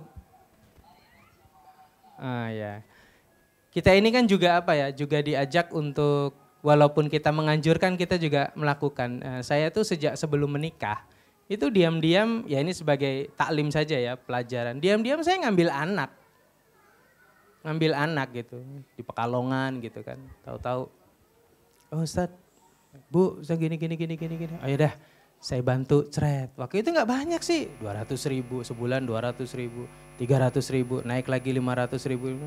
Tahu-tahu begitu saya nikah, sudah punya anak, itu bisa datang tuh orang tuanya. Nunjukin, Ustadz, anak saya sudah lulus di Undip, masuk. Masya Allah. Enak pak rasanya pak? Rasanya enak. Terus gimana? Alhamdulillah Ustadz, uh, dia gigih. Jadi dia sejak SMA sudah nyari duit sendiri. Oh tadinya saya udah mau siap-siap nih mau ngasih lagi nih gitu kan. Ternyata dia gigih Ustadz, dia ini sendiri. Undip loh Masya Allah. Jadi kita ngerasa oh ya udah. Dan itu Pak nanti yang akan nyelamatin kita Pak nanti di alam kubur. Di alam kubur itu kita bakalan dihimpit dengan keburukan kita. Kayak siap-siap dicemeti, lalu tiba-tiba ada cahaya. There is light come. begitu udah ada cahaya, loh maka si Maya itu bertanya, kenapa ini kok tiba-tiba bumi tidak menghimpit saya? Cahaya ini adalah amal soleh kecilmu yang dulu di dunia, nggak sadar kita pernah bulanan ngasih ke siapa, nggak sadar ke siapa, nggak sadar ke siapa. Ya, termasuk campaign ini juga bisa dilakukan kepada perbankan, yaitu apa? Ketika kita melakukan deposito syariah. Nanti depositonya untuk pembiayaan syariah kepada masyarakat-masyarakat kecil untuk berdagang. Jadi ada orang yang lulus kuliah, lalu kemudian bapaknya tukang sayur. Ketika ditanya, Bapak Eh, bisa melulu, bisa menyekolahkan anak sampai kuliah, iya alhamdulillah saya mendapatkan pembiayaan dari bank ini. Lah udah tuh siapa yang deposito tuh ngalir terus tuh. Ya kan? Subhanallah kekuatannya di situ. Terima kasih. Assalamualaikum warahmatullahi wabarakatuh. Waalaikumsalam warahmatullahi wabarakatuh. Buat teman-teman yang menyimak dari live streaming bisa mungkin nanti ada di layar ya. Nomor rekeningnya untuk uh, jika ingin sedekah atau ikut program dari Darul Quran. Ya, itu aja Ustadz Nendi. Ya, ya, Ya mungkin uh, sesi selanjutnya seperti yang tadi saya bilang, buat teman-teman yang mau tanya jawab, boleh silakan. Tadi saya udah dengar Ustadz beberapa kali ada yang nelpon. Banyak, sekitar seribu berapa tadi kalau nggak salah ya. Ya banyak yang nelpon. Mungkin sekarang bisa dibuka mas? Jadi dua ribu sekarang. Ya, sebelum ada ada suara yang nelpon kedengeran? Dari sini dulu ya, dari jamaah sini boleh silakan yang mau bertanya ke Ustadz Ahmad Ridwan. Boleh silakan?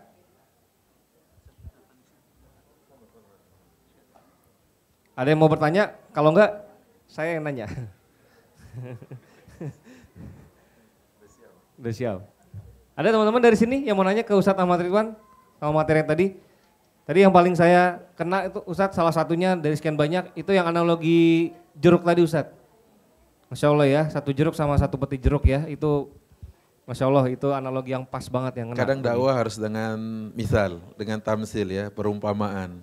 Karena ini gimana ya, satu derajat, 27 derajat, itu kadang orang memahami ya gimana, walaupun nanti kalau dijelaskan secara ilmiah, Angka tujuh itu litufidul kasroh yang menyebutkan banyak dalam bahasa Arab itu tujuh.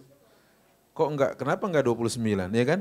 Ayo kalau ditanya kenapa tujuh sama sembilan banyakkan mana? Sembilan, ya untuk satu digit loh. Tapi kenapa Allah selalu bilang angka tujuh? Di banyak ayat, di banyak hadis tujuh.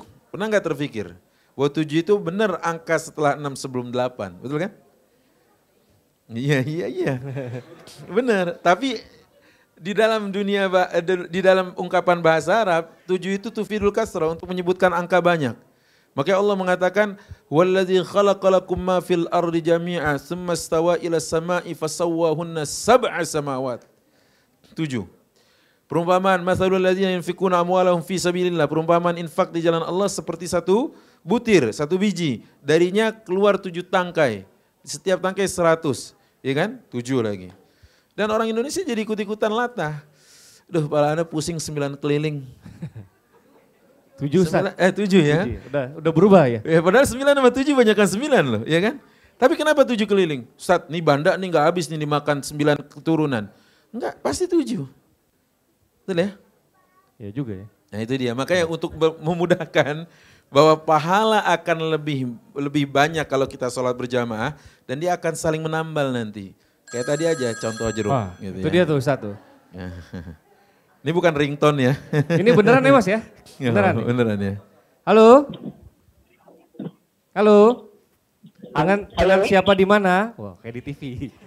Kayak di TV-TV ya. Akhirnya ngerasain juga ya di TV. Ngerasain juga ya, Masya Allah. Passwordnya sebutkan nih. Ya. Halo, dengan siapa di mana? dengan Rizal di PWK Dengan Rizal di Purwakarta. Purwakarta. Bukan ini ya, bukan anggota Kafilah Solihin kan ya? Bukan yang ada di ruangan ini bukan ya? Oke. Umurnya boleh kalau kalau boleh tahu berapa Mas Rizal? Gimana? Umurnya berapa? Umurnya 19 tahun. Oh, 19 tahun. 19 tahun. Ya, Masya Allah. Silakan, silakan, silakan. Silakan pertanyaannya ke Ustadz Ahmad Ridwan. Mas Rizal, monggo silakan Mas.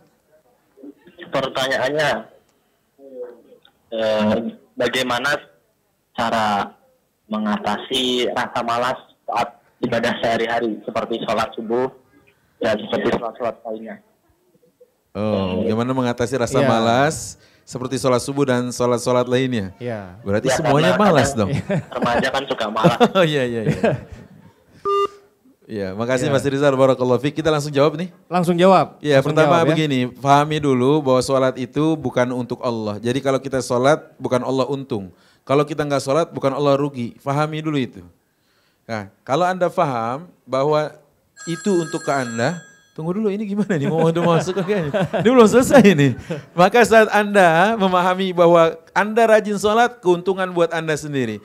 Anda sungguh-sungguh sholat, maka buahnya akan kembali anda nikmati. Manfaatnya, rasanya buat anda. Nah, caranya fahami dulu sholat buat anda bukan buat Allah. Yang kedua, kalau seandainya kita tahu bahwa sholat itu adalah pemuncak semua ibadah, semua ibadah itu sholat.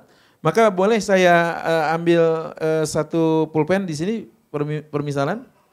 Pulpen, Nggak ada siapin ya, presenter nggak siapin ini ya.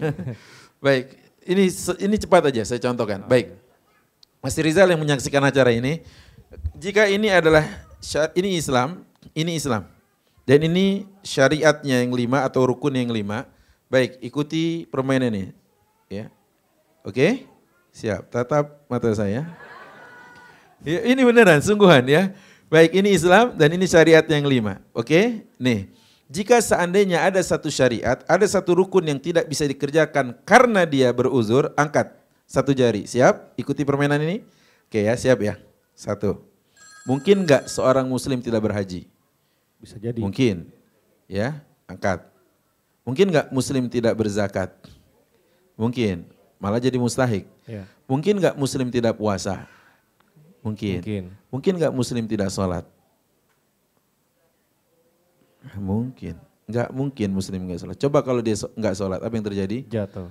Lepas agama dari anda Mas Rizal. Ya.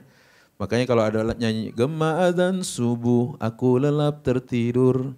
Gema adzan zuhur, aku sibuk bekerja. Gema adzan asar, aku karungi dunia. Tuhan pantasku, pantaskah surga untukku? Jawabannya enggak.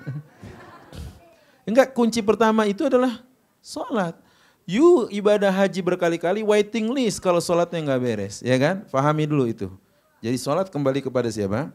Diri kita. Allah enggak akan mengambil untung dari sholat anda. Masya Allah. Tafadol Ustaz. Ini ada lagi nggak dari teman-teman di sini? Ini adalah Kalau nggak ada kita lanjut lagi dari penelpon berikutnya Ustaz. silakan, silakan. Halo, Assalamualaikum. Waalaikumsalam. Halo dengan siapa di mana Mas? Uh, Heri di Lampung. Dirampok. Heri di Rampung. Oh di Lampung. Kok di Rampung kasihan dong. Jangan dong. Masih sempat nelpon di Lampung. Yo. Masya Allah. Mungkin minta bantuan. Silakan. Heri di Lampung ya Mas, betul ya? Halo Mas Heri. Halo, halo. Ya, Mas Heri betul ya? Enggak, ini mau nanya. nih, Jadi. Mas siapa ini? Ya silakan Mas Heri. Nah, itu kalau acara yasinan malam Jumat itu apa ada dalilnya, apa ada contoh dari Rasulullah? Yasinan. gimana itu? Oh, Ya, ini iya. boleh nanya di luar konteks tema atau gimana Ustaz? Sebenarnya presenter harus bisa ini. Iya, maksudnya oke. ini Setelah ini ya, mungkin masih, ya. mungkin kita jawab nanti insya Allah ya. Nanti insya Allah ya. Mas Jadi Eri. buat para penelpon sama teman-teman yang menyimak di live streaming sebisa mungkin pertanyaannya sesuai sama tema. Insya Ya, Allah. amalan cerdas di waktu yang Terbatas. terbatas gitu ya. Betul, ya Betul. Ustaz ya. Betul. Ada lagi mungkin yang nelfon Mas? Dari sini kalau nggak ada dari sini dulu. Ada teman-teman? Oh ada lagi. Boleh diangkat lagi. Silakan, silakan. Silakan. Assalamualaikum. Assalamualaikum. Waalaikumsalam Assalamualaikum. dengan Mas siapa di mana Mas? Dengan Pak Herudin di Medan. Pak Khairuddin di Medan. Ya, ikut acara ini interaktif. Oh, ini nyimaknya dari mana, Pak? Iya. Ya, Pak Khairuddin nyimaknya dari? Eh, halo. Ya, ada pertanyaan Pak sesuai dengan tema pada hari ini, Pak. Amalan cerdas di waktu yang terbatas, Pak. Oh gini, saya ingin bertanya sama Pak Ustadz. Boleh. Silakan Mas, sila, sila.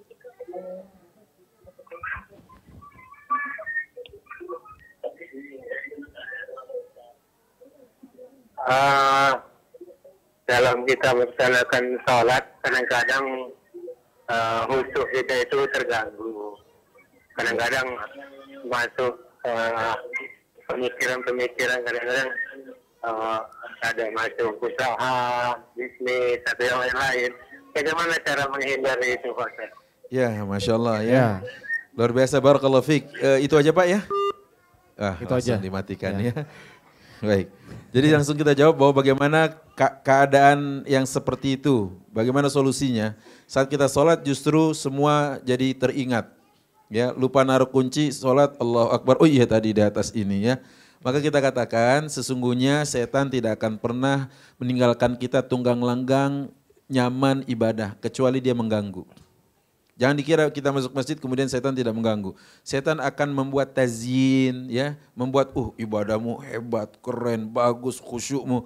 Contoh, sebagaimana setan juga bisa membuat taswis. Apa itu? Ragu. Tadi tiga apa empat ya, satu apa dua ya. Kayak gitu kan? Itu.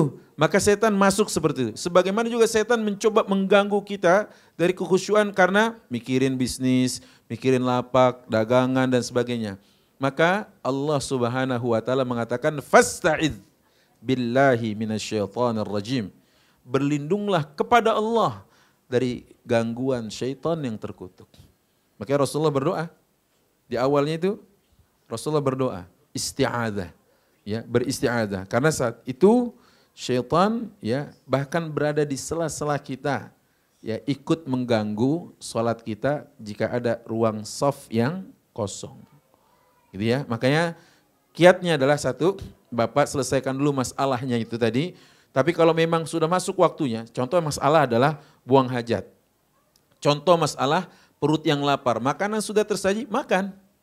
Karena apa? Kata kata Aisyah radhiyallahu anha dalam hadisnya dalam riwayatnya, tidak akan tidak akan salat dengan sempurna seseorang, ya. La salata bi hadratit ta'am wala wa huwa yudafi'uhu al-akhbathan. Kalau dalam keadaan dia menahan lapar dan makanan sudah tersaji atau dalam keadaan dia menahan sesuatu yang keluar dari dua jalan atau salah satu dari keduanya. Yaitu baik itu buang air kecil maupun air besar. Misalkan udah tahiyat nih, aduh tanggung, tanggung. Jangan, lepas saja. Karena apa? Anda tetap dihitung sebagai orang yang ber, apa, melaksanakan salat berjamaah. Kendati salat jamaah sudah bubar nanti. Tetapi dalam keadaan menahan tadi, dipastikan nggak akan bisa khusyuk. Nah itu ya. Dan mintalah bantuan ke Allah. Di samping nanti ada makanan yang halal yang dijaga, ya kan. Kemudian suasana ruangan. Kalau ruangan atau tempat sujud kita ada tulisan misalkan, sholat pakai apa? Koran. Bukannya khusyuk, malah kita hatam baca itu ya. Iya kayak gitu. Nah itu terjadi banyak dalam sholat id kadang-kadang gitu ya. Ya masih banyak lagi kiat-kiatnya. Di antaranya adalah tadi mengkondisikan tempat di mana kita ingin sholat, suasana yang tidak bising, yang di depan tulisan tidak mengganggu dan sebagainya. Kadang-kadang kan ada yang di sini, ya kan, banyak tulisan-tulisan yang mengganggu kita, gitu ya. Allah alam seperti itu. Tafadhol Ustaz. Ada lagi? Ada lagi? Ya. Terakhir ya Ustadz ya, ini Boleh, boleh. sebelum kita break sholat asar, Siap, ini pertanyaan terakhir ya. siap, siap. Halo? Dengan siapa di mana? Halo. Waalaikumsalam. Waalaikumsalam. Ini di nih. Di Riau. Dengan siapa di mana, Bu? Mbak? Bapak, Pak? dari Bapak Dari Pak siapa? Dari Pak siapa di mana? di Riau. Di Riau. Pak siapa? Silakan Pak Riau. Dari, Sila- dari Riau. Enggak maksudnya Bapak dari Riau. Dan mau tanya Pak. Tanya masalah Putus-putus ya? Putus. tanya masalah Putus-putus, Pak. Ah, aduh. Afwan Pak, Iya. Apa kita angkat lagi? Enggak ya? Berarti. Angkat lagi. Teman-teman ada yang mau nanya dari sini? Beliau lagi kayaknya. Ya. kita kita husnuzon ya. Dengan Pak siapa di mana silakan. Ya, silakan Pak. Halo, Assalamualaikum. Assalamualaikum Dengan Pak siapa di mana? Ah, Ini dari Pak Erwin di Padang. Pak Erwin. Pak Erwin, Pak. Ondi, Nah. silakan Pak. Ah, gini, eh, gini Pak pertanyaannya Pak. Ah, kita punya pu- ini kita punya musola di dekat rumah, Tetangga. nggak nggak Ya. jauh dari rumah. Tapi jemaahnya satu dua. Apa Musola. yang masjid ada jauh sedikit dari itu? Apa kita boleh meninggalkan musola itu pergi ke masjid atau ke mana Pak? Pak selisihnya Pak. Assalamualaikum warahmatullahi wabarakatuh. Assalamualaikum warahmatullahi wabarakatuh. Waalaikumsalam. Bang Ustadz, Eh, bisa ditranslate nggak? Ada musola dekat rumah, Oke. Jamanya satu dua. jamnya cuma satu dua. Oke. Heeh. Lebih ramai. Ya. Yang mana sebaiknya gitu ya. Baik. Barakallahu fiq untuk Pak Erwin ya tadi di Sumatera rasanya saya ragu kalau Bapak bilang orang Solo ya. Ya. Pasti Solok. orang Padang. Oh Solok ya benar ya. Ya, dekat Orang- Jogjak itu. Di Jogjak ya. Maka baik saya sampaikan bahwa kalau dalam keadaan seperti itu bagaimana baiknya? Pertama, kalau niat kita ingin mensyiarkan ya, syiar di antara syiar-syiar Allah yaitu salat secara berjamaah, maka salat di tempat yang tadi masih minim jumlah jamaahnya bisa jadi lebih besar pahalanya. Kalau kita niatkan adalah kita ingin mensyiarkan mengajak yang lain ingin apa ikut serta dalam berjamaah tadi ya. Karena kalau di sana sudah kondusif jamaahnya sudah banyak. Yang sulit itu bagaimana kita menjadi trendsetter bukan menjadi followers ya. Menjadi followers tinggal follow aja ya kan? Urusan di fallback urusan lain atau enggak gitu. Tapi yang susah itu menjadi trendsetter. Kita yang membuat, kita yang menginisiasi, kitalah orang yang membuka ya kebaikan di sana. Kan tadi sudah saya sampaikan bahwa sesungguhnya jejak-jejak itulah yang harus kita perbanyak. Jejak-jejak tadi, kalau di sana sudah banyak orang. Kalau di sini, di mana saat kita lihat, ya maaf, dia yang azan, dia yang komat, dia yang imam, dia yang makmum, kan kasihan kayak gitu. Nah, di situlah saatnya kita mengambil bagian di apa meramaikan tadi. Dan ingat loh, yang harus kita mulai dari dakwah yang terdekat dari kita. Baru yang lebih jauh, kemudian yang lebih jauh. Betul ya? Sehingga hadirnya kita di tengah masyarakat terasa oleh mereka. Jadi kalau Bapak pergi, walaupun berkendara mobil sana jamaah rame, terus siapa yang akan memakmurkan ini dan kapan musola ini akan makmur dan ramai. Begitu ya Pak? Ya, Pak Erwin kita ya. Ini bermanfaat buat, buat Pak Erwin. Semoga- Insya Allah, amin. Menjawab pertanyaannya Pak Insyaallah. Erwin. Insya Allah. Insya Allah, baik. Itu aja mungkin Ustadz. Siap. Udah masuk juga waktu asar. Waktu asar. Ya. Uh, Jazakallah khairan. Wa iya, wa iya. untuk eh, waktunya untuk ilmunya semoga apa yang tadi Ustadz sampaikan ilmunya bisa diamalkan oleh Amin ya Rabb, teman-teman dan ya insya Allah menjadi amal jariah buat Ustadz. Amin, amin, ya amin ya Allah, amin ya. Rabbal alamin. Kita tutup majelis eh, kita hari ini ya dari komunitas Kafilah Solihin dan terima kasih buat Hub.Asia dan Badan TV yang sudah live streaming menyiarkan kajian pada hari ini. Ya, fikum. Barakallah. Insyaallah. Ya, kita tutup dengan doa kafaratul majelis Ustaz. Subhanakallahumma wa bihamdika asyhadu an la ilaha illa anta astaghfiruka wa atubu ilaik. Assalamualaikum warahmatullahi wabarakatuh. Waalaikumsalam warahmatullahi wabarakatuh.